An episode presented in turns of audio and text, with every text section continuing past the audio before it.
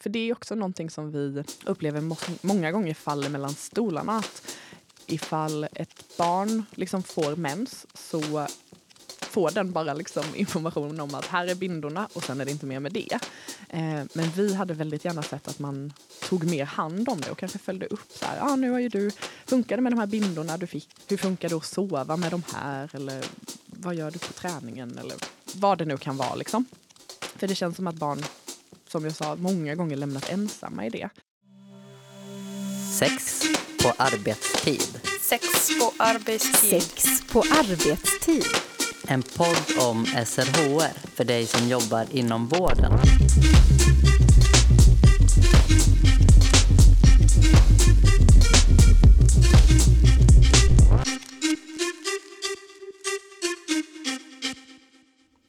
Hälften av jordens befolkning har, kommer få eller har haft mens. I genomsnitt menstruerar man ungefär 7 till 8 år sammanlagt under en livstid. Mens är alltså en stor del av mångas liv och vardag men trots det så pratas det ganska lite om just mens. Det här är andra avsnittet av tre på temat mens. I förra avsnittet så pratade vi med barnmorskan Sofia Wikstrand Linhem om vad mens är och vad som händer i våra kroppar när vi har mens. I dagens avsnitt pratar vi med Sanna Vanno från organisationen Mensen. Med Sanna pratar vi om universell menskompetens, om hur vi kan prata med barn och unga om mens och vad mänskliga rättigheter är. Du lyssnar på Sex på arbetstid, en podd från Västra Götalandsregionen. Och vi som gör den här podden är jag, Elin Klingvall, och min kollega Anna Skoglund. Välkommen till Sex på arbetstid, Sanna Vanno. Tack så mycket. Vi är jätteglada att du är här. Eh, du arbetar ju som projektledare för universell menskompetens i organisationen Mensen. Yes. Eh, men hur kommer det sig att ni startade det här projektet? Ja, men vi kände väl att så här, det behövdes ett kunskapsmaterial och vi kände att det behövdes mer resurser till att så här, kunna prata om mens på ett bra sätt med barn och unga framför allt då, men också med barn och unga med olika funktionsnedsättningar och olika behov. Eh, så då skrev vi helt enkelt en ansökan till Allmänna arvsfonden och eh, fick beviljat för det här projektet där vi har tagit fram massor av metoder och material och gjort det väldigt lätt att prata om mens. För våran vision var ju lite att så här, det ska vara lika lätt för en lärare som har liksom mångårig erfarenhet av pedagogik och även kanske erfarenhet av en egen menstruationscykel som för en eh, ensamstående pappa som sitter hemma vid köksbordet och måste ta det här samtalet för att stilla oro till exempel. Sen så tror jag inte riktigt vi har lyckats med det för de har väldigt olika förutsättningar. Men det finns i alla fall material för båda de här två att använda och vi tror att det kommer funka väldigt bra.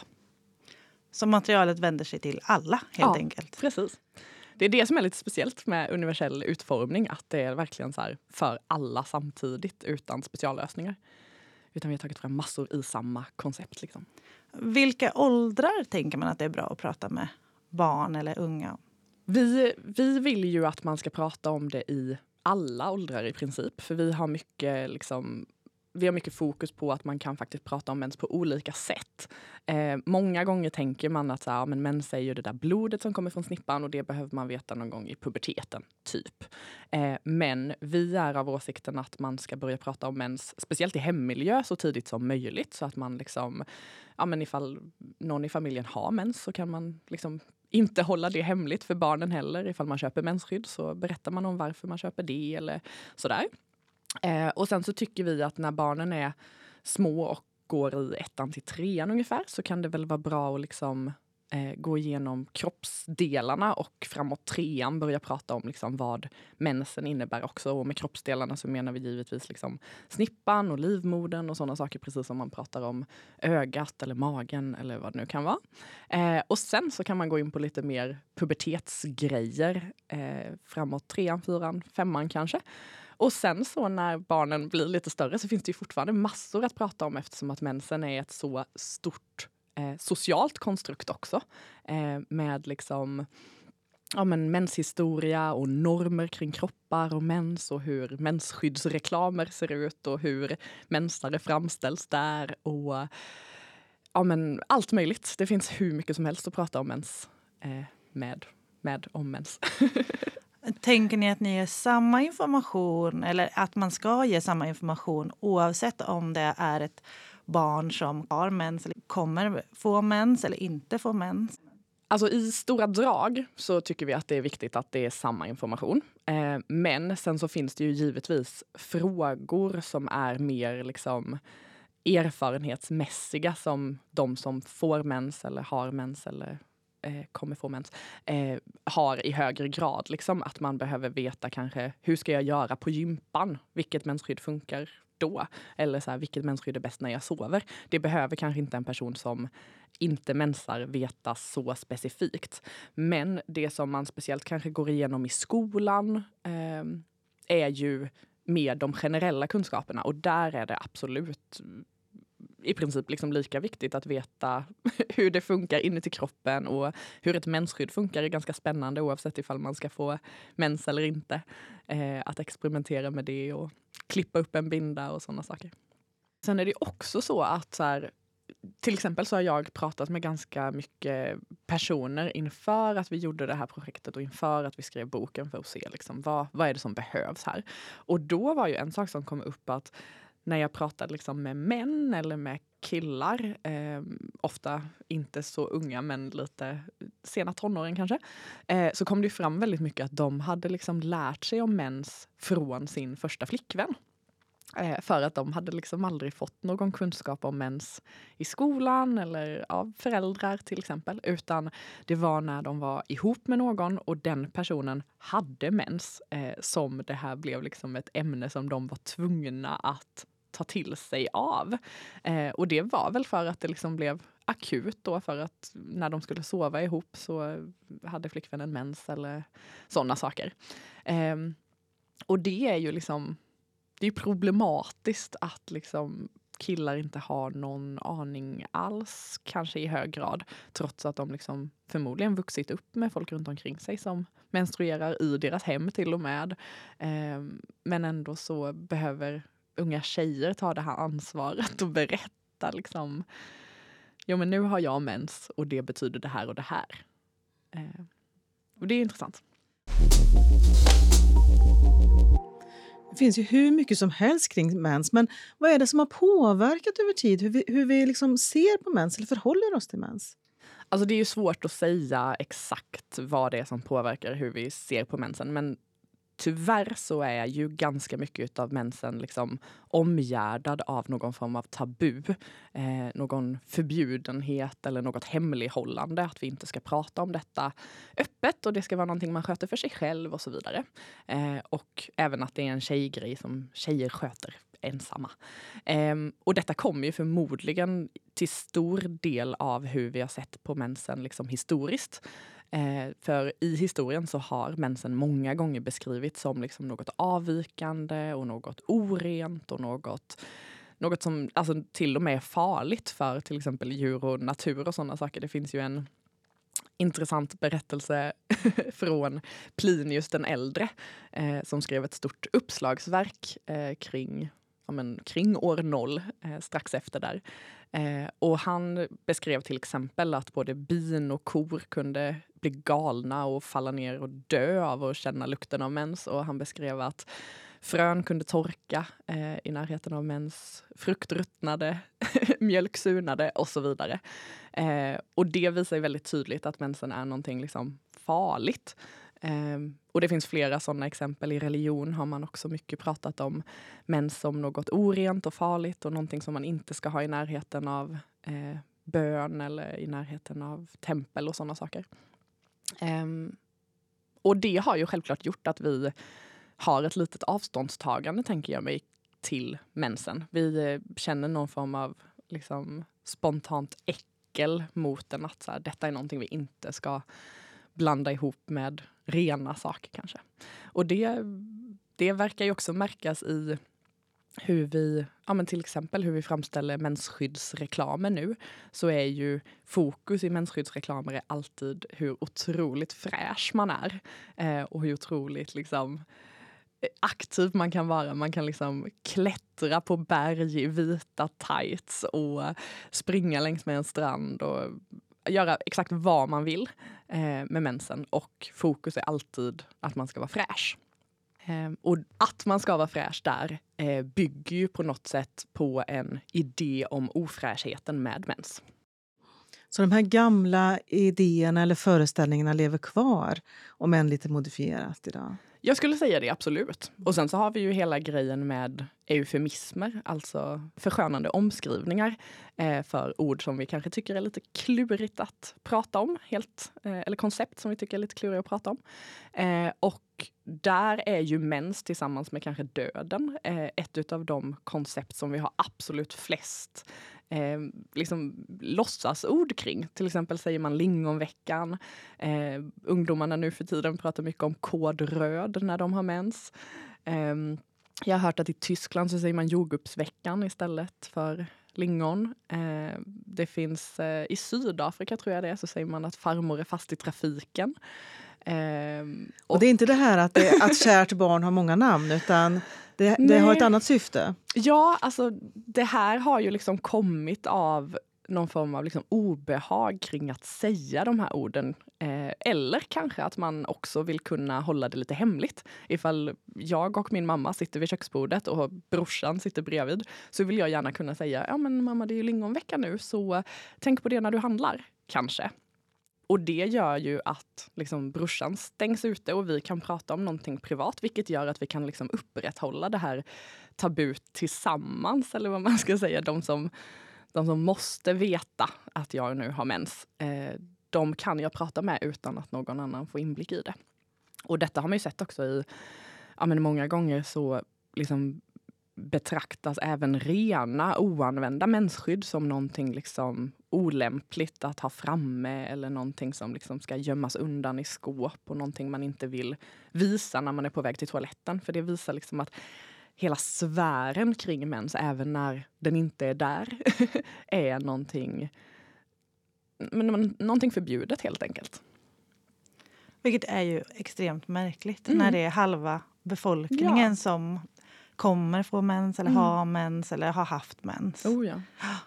Eh, men jag tänker, vilka, för vi pratar om historien och religion har påverkat, men vilka individuella faktorer kan påverka också hur man ser på mens? Jag tänker en del kanske är i familjer där det är mer öppet att mm. prata om mm. kroppen och mens. Eh, mm. Kan, ålder kan väl spela in. Vilka ja. andra faktorer kan spela in? Jo men verkligen. Eh, vilken uppväxt man har och liksom hur, hur man har pratat om det runt om i sin uppväxt påverkar ju givetvis jättemycket. Eh, vi har ganska lätt för att tänka oss att så här, kulturen vi har vuxit upp i eh, kan påverka hur vi ser på mensen och då tänker vi gärna att så, ah, men olika länder ser olika på det eller olika världsdelar till och med. Men det är ju verkligen någonting som kan påverkas även från ett hus på en gata till ett annat hus på en gata beroende på vad man har för öppenhet kring sådana saker där. Sen så påverkar ju givetvis liksom vilken, vilket fysiskt kön vi har, ifall det kanske är liksom omskuret till exempel. eller något sånt. Det kan påverka ifall vi har eh, en, en könsidentitet eller ett könsuttryck som stämmer överens med mens eller inte. Det kan påverka väldigt mycket hur andra eh, betraktar att man borde ha mens och hur man känner inför det. Eh, sen så ålder som du säger påverkar jättemycket. Med åldern så kommer ju många gånger vana av mens också. Eh, att när man kastas in i att ha mens som tonåring så är det mesta ganska klurigt. Att åka på en semester är väldigt svårt med mens eh, när man är 13 år. Att åka iväg på, eller att vara med på gympan på skolan är lite klurigt. Att duscha efteråt och så vidare allt det blir liksom svårt. Men för oss vuxna som har haft mens ett tag så är det här ganska små problem. För vi har liksom bara lärt oss hur vi tar hand om det. Men det som lite blir problemet är ju att vi lämnar barnen väldigt mycket till eh, ensam, ensam eh, lösning där, liksom, att hitta själva hur de ska lösa det. Men sen så finns det också givetvis liksom mycket så här, eftersom att vi har också gjort det här materialet oberoende, så att man ska kunna använda det oberoende av funktion och sådana saker så finns det ju också massor av funktionsförmågor som påverkar hur vi ser på mensen. Eh, till exempel finns det mensskydd som kan vara väldigt svåra att använda för någon som till exempel använder rullstol eller har eh, svårt med motoriken i händerna till exempel. Eh, andra diagnoser som till exempel autismspektrumdiagnos kan påverka hur man betraktar mensen. Det kan kännas väldigt, väldigt knöligt att ha en binda i underbyxorna. Eh, mensen kan lukta väldigt mycket ifall man har högre sensations eh, högre förmåga till sensationer där.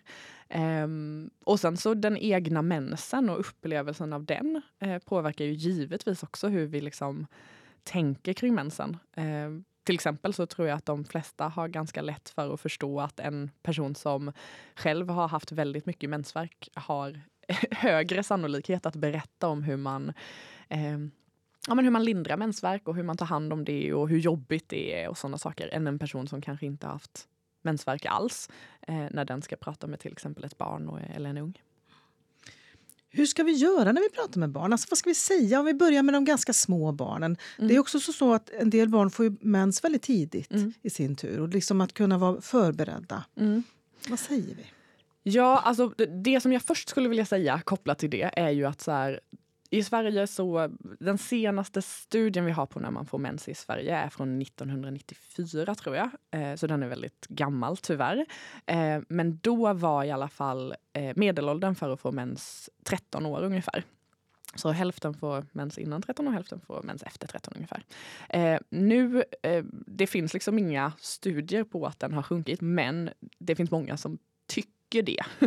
eh, när man pratar med barnmorskor och när man pratar med föräldrar och sådana saker så säger de ofta att så här, nej men det var ju tidigare än så mycket tidigare och så vidare. Eh, så därför så skulle jag vilja bara säga att så här, att få mens är ett ganska stort event i ett barns liv och att få mens tidigare än alla andra eller innan man har fått kunskap, vilket kan hända, eh, gör ju inte direkt den upplevelsen lättare. Eh, för att då har man än mindre information och än mindre liksom, ja, men tillåtelse att prata om mens för man betraktas fortfarande för liten eh, för att få det. Eh, så vi är ju verkligen av åsikten att man ska prata om detta tidigt och liksom börja prata om liksom snippan och prata om hur kroppen funkar och att mensen kan komma och liksom inte göra det så dramatiskt utan bara att så här, det är något som händer och mamma har det och syster har det och liksom sådana saker kanske.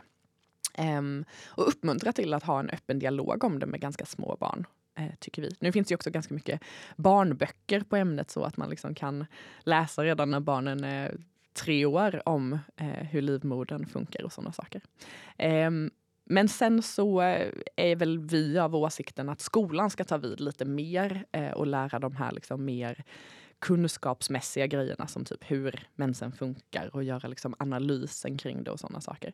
Medan föräldrar kanske mer kan vara bra på att eh, följa upp hur det funkar. För det är också någonting som vi upplever må många gånger faller mellan stolarna. Att ifall ett barn liksom får mens så får den bara liksom information om att här är bindorna och sen är det inte mer med det. Eh, men vi hade väldigt gärna sett att man tog mer hand om det och kanske följde upp så här, ah, nu har ju du funkade med de här bindorna du fick eller nu ska vi åka bort eller behöver du någonting för det eller hur funkar det att sova med de här eller vad gör du på träningen eller vad det nu kan vara liksom. För det känns som att barn, som jag sa, många gånger lämnas ensamma i det. Eh, och vi brukar jämföra det med glasögon nu. Ehm, eh, där ifall man upptäcker att ett barn liksom har en har ett synfel så är man ganska noga med att liksom berätta för barnet vad det innebär. Man tar med det till optiken och barnet får massor av information och hjälp. Och man säger att så här, på, på gympalektionen i skolan så kan du lägga glasögonen i det här fodralet och ifall du ska sova så lägger du glasögonen på nattduksbordet och sådana saker. Men den typen av liksom uppföljning ger vi aldrig till barn när de får mens. Fastän att just exakt samma frågor i princip eh, finns väldigt många gånger hos de barnen.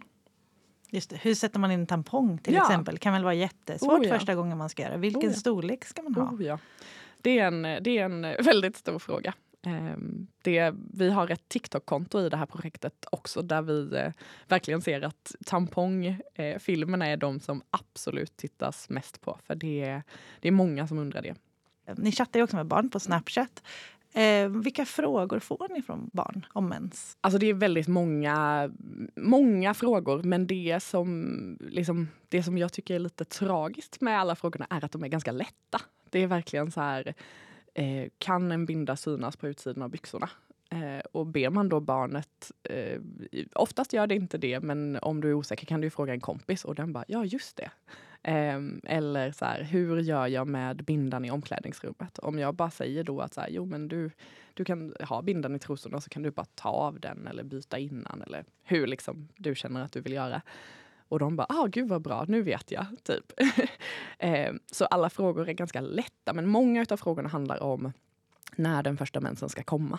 Uh, det är väldigt många som undrar vilka tecken de kan hålla utkik efter. De undrar uh, liksom hur det känns och hur, eh, ifall de behöver vara rädda för att det ska liksom bli massa blodfläckar på byxorna och sådana saker eh, när den kommer. Eh, många undrar saker om flytningar. Eh, för det är ju också ett väldigt odiskuterat ämne. Eh, klumpar och olika färger på mensen eh, får vi frågor om. Ehm, en del om mensskydd. Mycket nu inför sommaren kommer det ofta frågor om liksom hur man hur man, ehm, ja, men hur man ska be om att få använda tampong eller hur man ska sätta in den, vilket hål det är och sådana saker. Um, Inför att bada då? Ja, mm. precis. Och kanske ligga på stranden bara eller åka bort eller vad det kan vara. Mm. Beskriver barn ändå att de har fått en viss information? Eller vad, vad säger barn? Har de, hur har de fått någon kunskap? Alltså, det är väldigt eh, olika skulle jag säga. Men många har ju fått någon form av information och många gånger är det under liksom, pubertetssnacket i eh, i skolan som man ofta har med eh, skolsköterska. Eh, men och sen så, alltså, I Sverige så är det ganska ovanligt, upplever jag, att man inte har en aning om vad mens är när mensen kommer. Eh, utan man har ofta liksom hört om det kanske på något, på något barnprogram eller kanske i Kamratposten eller några sådana grejer. Liksom. Det, finns, det, finns en, det finns en dialog om mens någonstans i alla fall. Eh, men eh, man har väldigt lite information om vad det handlar om och väldigt, väldigt lite om det här praktiska. Hur löser jag det här eh, problemet som jag har med mensen idag? typ. Ehm, Ehm, eh, men ja, jag tror att det vanligaste är i pubertetssnacket med skolsköterskan. Och vissa skolsköterskor är ju superduktiga på att hålla det liksom tidigt men ibland så kommer väl det lite sent för många barn. Jag tänker också att det kan behöva repeteras. Jag tänker Det händer så mycket i barns liv. Mm. Så att även om jag har hört en grej en gång så kan jag behöva höra det fler gånger. Ja. Ja. Vi har ju en, eh, i, i vårt material har vi tagit fram en eh, plan för hur man kan prata om mens i olika åldrar eh, eller olika årskurser och även kopplat det till de metoderna som vi har. Eh, så där kan det vara bra att liksom kika lite eh, på hur, hur man kan eh, ta sig fram och vilka, vilka ämnen som är relevanta i vilka åldrar. Tänker det finns ju väldigt mycket normer kring mens och sådär, den första mensen, hur, hur det ska vara, vilken ålder det kommer i mm. och sådär. Vad, vad kan vara viktigt att tänka på att så här, få information om mm. för att känna så här, att jag är normal? Mm. eller så, både om man inte har fått eller fått tidigt eller sen, mm. senare. Mm. Eh, eller färg på mensen och så vidare. Vad, vad kan vara det där, liksom, de här grejerna ändå viktiga att säga? Ja, Alltså det är ju eh, superintressant för vi, vi beskriver det som att mm, normen kring mens är ganska smal. Man tänker sig att, normen ska, eller att mensen ska komma eh, när man är 12, den ska komma och vara helt röd, den ska vara liksom flytande som blod, den ska eh, komma ungefär var 28 dag och vara i fem dagar och så vidare. och så vidare. Eh, men det som jag skulle vilja säga, och det blir ju ett lite, ett lite lulligt svar, men det jag skulle vilja säga där är att öppna upp för att mensen kan vara väldigt mycket mer. Eh, vara noga med, absolut att man kan prata om medelåldrar och sådana saker. Men faktiskt säga också att mensen kan komma från det att man är 10 till det att man är 15 och ibland kommer den tidigare, ibland kommer den ännu senare. Eh, mensen kan ha massor av olika färger. Eh, det är ju blod, men precis som ni vet så kan blod eh, koagulera och bli mer brunt eller blodet kan vara utspätt med till exempel flytningar och se mer rosa ut eller brunt eller så. Um, och att liksom lyfta att så här, ja, många har en menscykel som är ungefär en månad, men för vissa är den liksom bara 24 dagar och för andra är den 35 och så vidare. Så att man liksom jag skulle vilja att man bara liksom lyfter att det finns en otrolig variation. Och ju mer vi kan prata om det, eh, ju mer vi kan liksom mellanmänskligt ha ett samtal om att ah, men min mens beter sig så här, så kan vi också få veta väldigt mycket mer om eh, hur det är. För det som är det lite fina med mens är ju att nästan liksom allt med mens är normalt. Eh, det är liksom först när det är extrema saker som det är liksom någonting som man behöver kolla upp. Men annars, liksom, så, länge det är, så länge det inte gör för ont och så länge det inte är för mycket mens eh, och så länge den liksom inte försvinner i flera månader när man liksom väl har en regelbunden cykel så är nästan allt normalt och det behöver fler barn veta och kunna känna sig trygga i.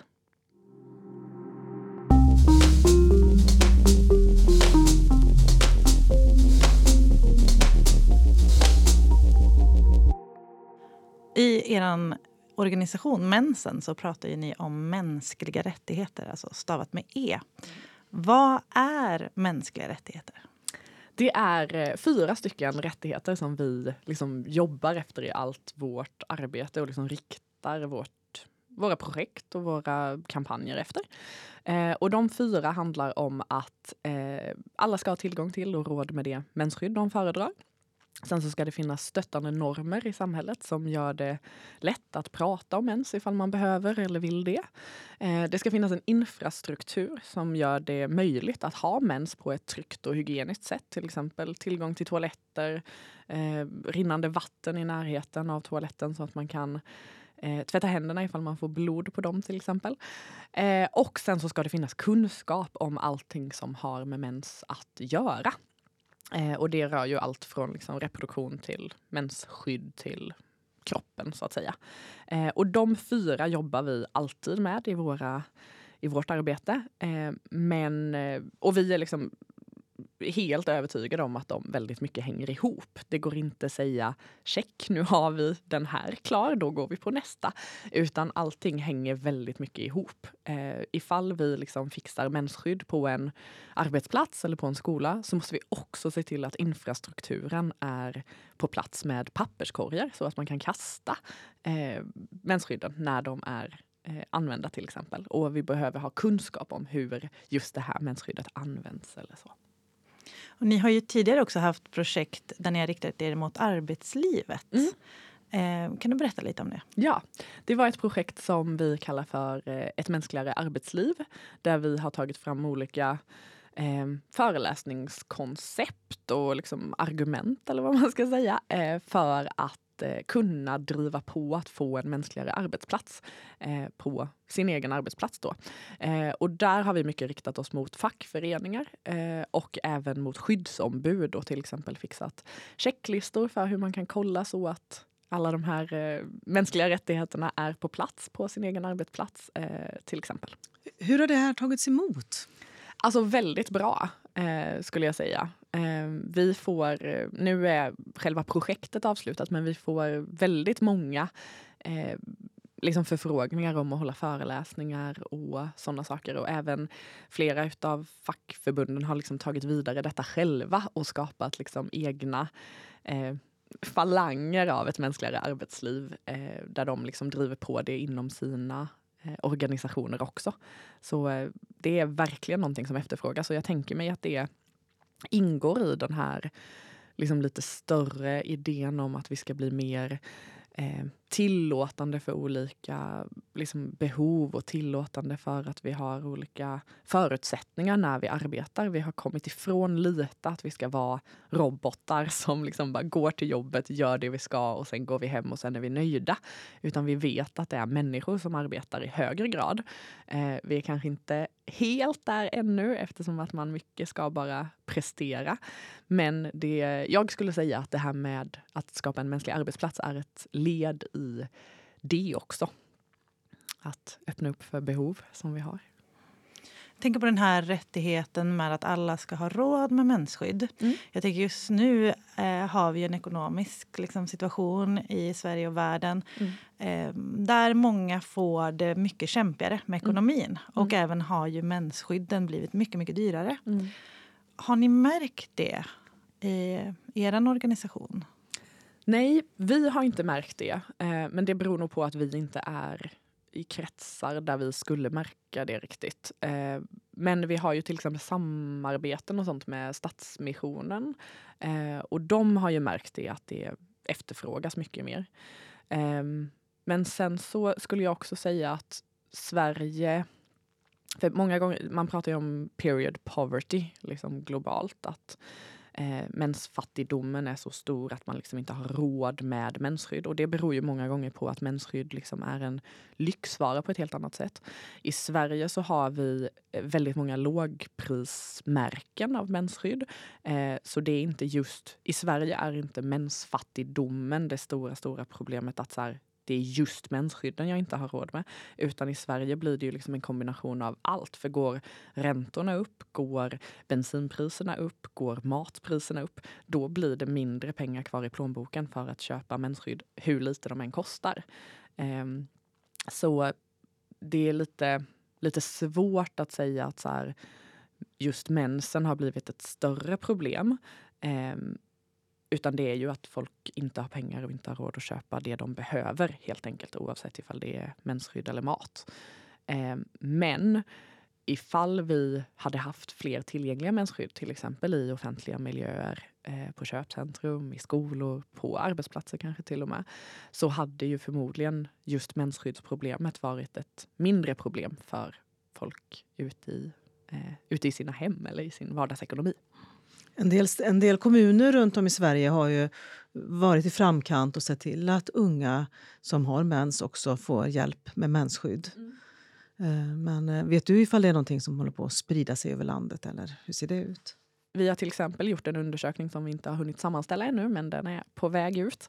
Eh, men där så har vi skickat ut till alla kommuner och frågat om de har några politiska beslut på mensskydd, eh, att mensskydd ska vara tillgängliga i till exempel skolor. Eh, och där ser vi att de som svarar ja på det har allihopa svarat att det hände någon gång mellan 2020 och 2023. Eh, så det är verkligen någonting som ja, men sker i nutid. Liksom.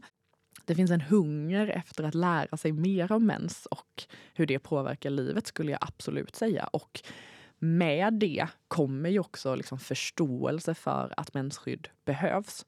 Eh, för kopplat till de här mänskliga rättigheterna så hänger ju allt det här ihop.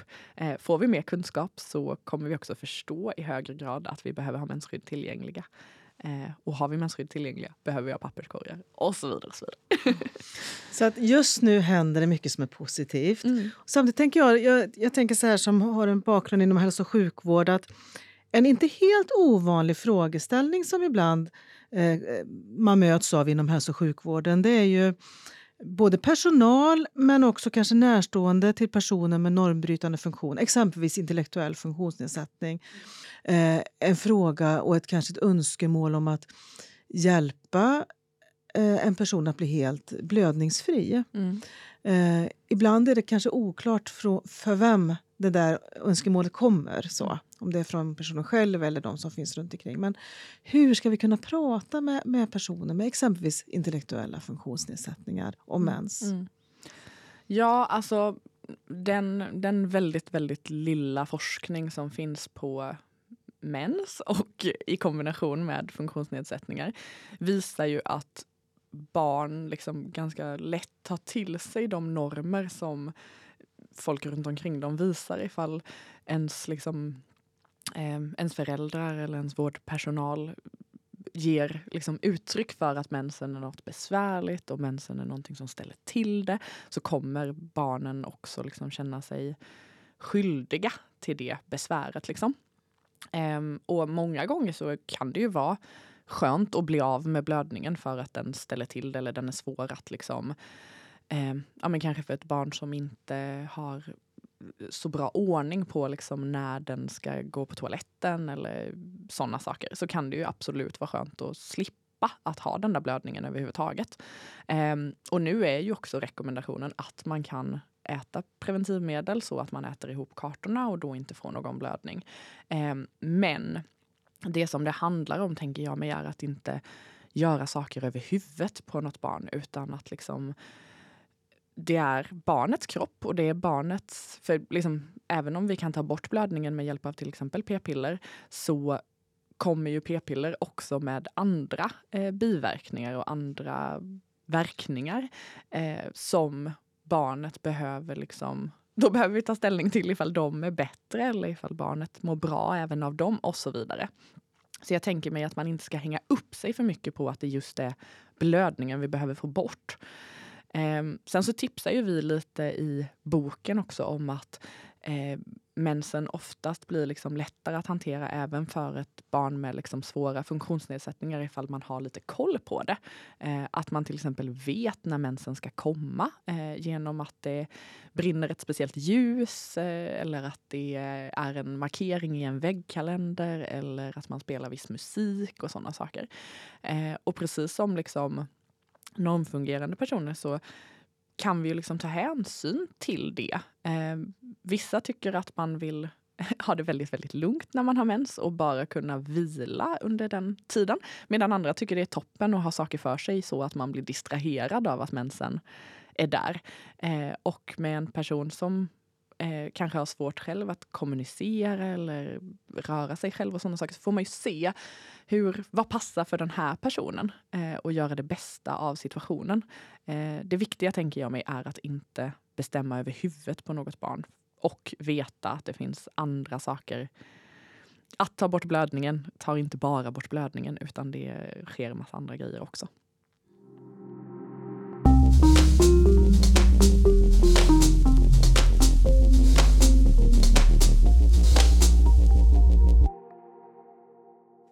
Tusen tack Sanna Vanno att du har varit med i Sex på arbetstid och pratat om hur vi kan skapa ett mer mensvänligt samhälle. Ja, tack själv. Eh, innan vi avslutar så skulle vi gärna vilja veta vilka tips du har med dig till vårdpersonal kring hur man kan prata om mens. Mm. Jag, jag tänker mig att det första tipset är att liksom bara visa att du är en sån man kan prata mens med.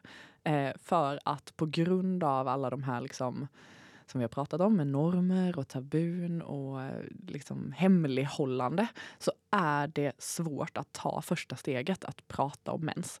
Eh, men var den som liksom så här, ha en, ha en skylt om mens eller ha en liksom plansch uppe om att eh, mens är någonting som finns eller säg eh, hur funkar menscykeln för dig? Eh, har du, hur lång är den ungefär? Och så vidare.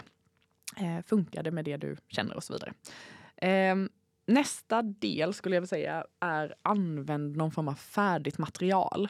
För att precis som med mycket annat som har med sexualitet, samtycke och relationer att göra så liksom saknar vi mycket en generell och övergripande kunskapsbild på detta. Vilket gör att vi lätt går ner på liksom privata erfarenheter om man utgår från sig själv och sådana saker. Eh, men nu finns ju massor av material som man kan använda och det är utformat för att funka för alla eh, och vara inkluderande och representativt för de flesta och även funka för folk som inte själva får mens. Så eh, använd färdigt material och vi har ju massor av det på vår hemsida till exempel. Så kika på menskompetens.se. Och sen så vill jag väl också säga någonting om att försöka vara neutral eh, som vi pratade om innan så påverkar allt det vi har varit med om och vår ålder och vad vi har för funktion och erfarenhet och kunskap och sådana saker påverkar jättemycket hur vi ser på mensen. Eh, och försök att liksom lägga det lite åt sidan och låt personen som du har framför dig ha sin mens och sin upplevelse av den. Eh, och det blir ju också lättare ifall man använder sig av liksom mer generella och färdiga utarbetade metoder. Tack så jättemycket, Sanna. Tack. Du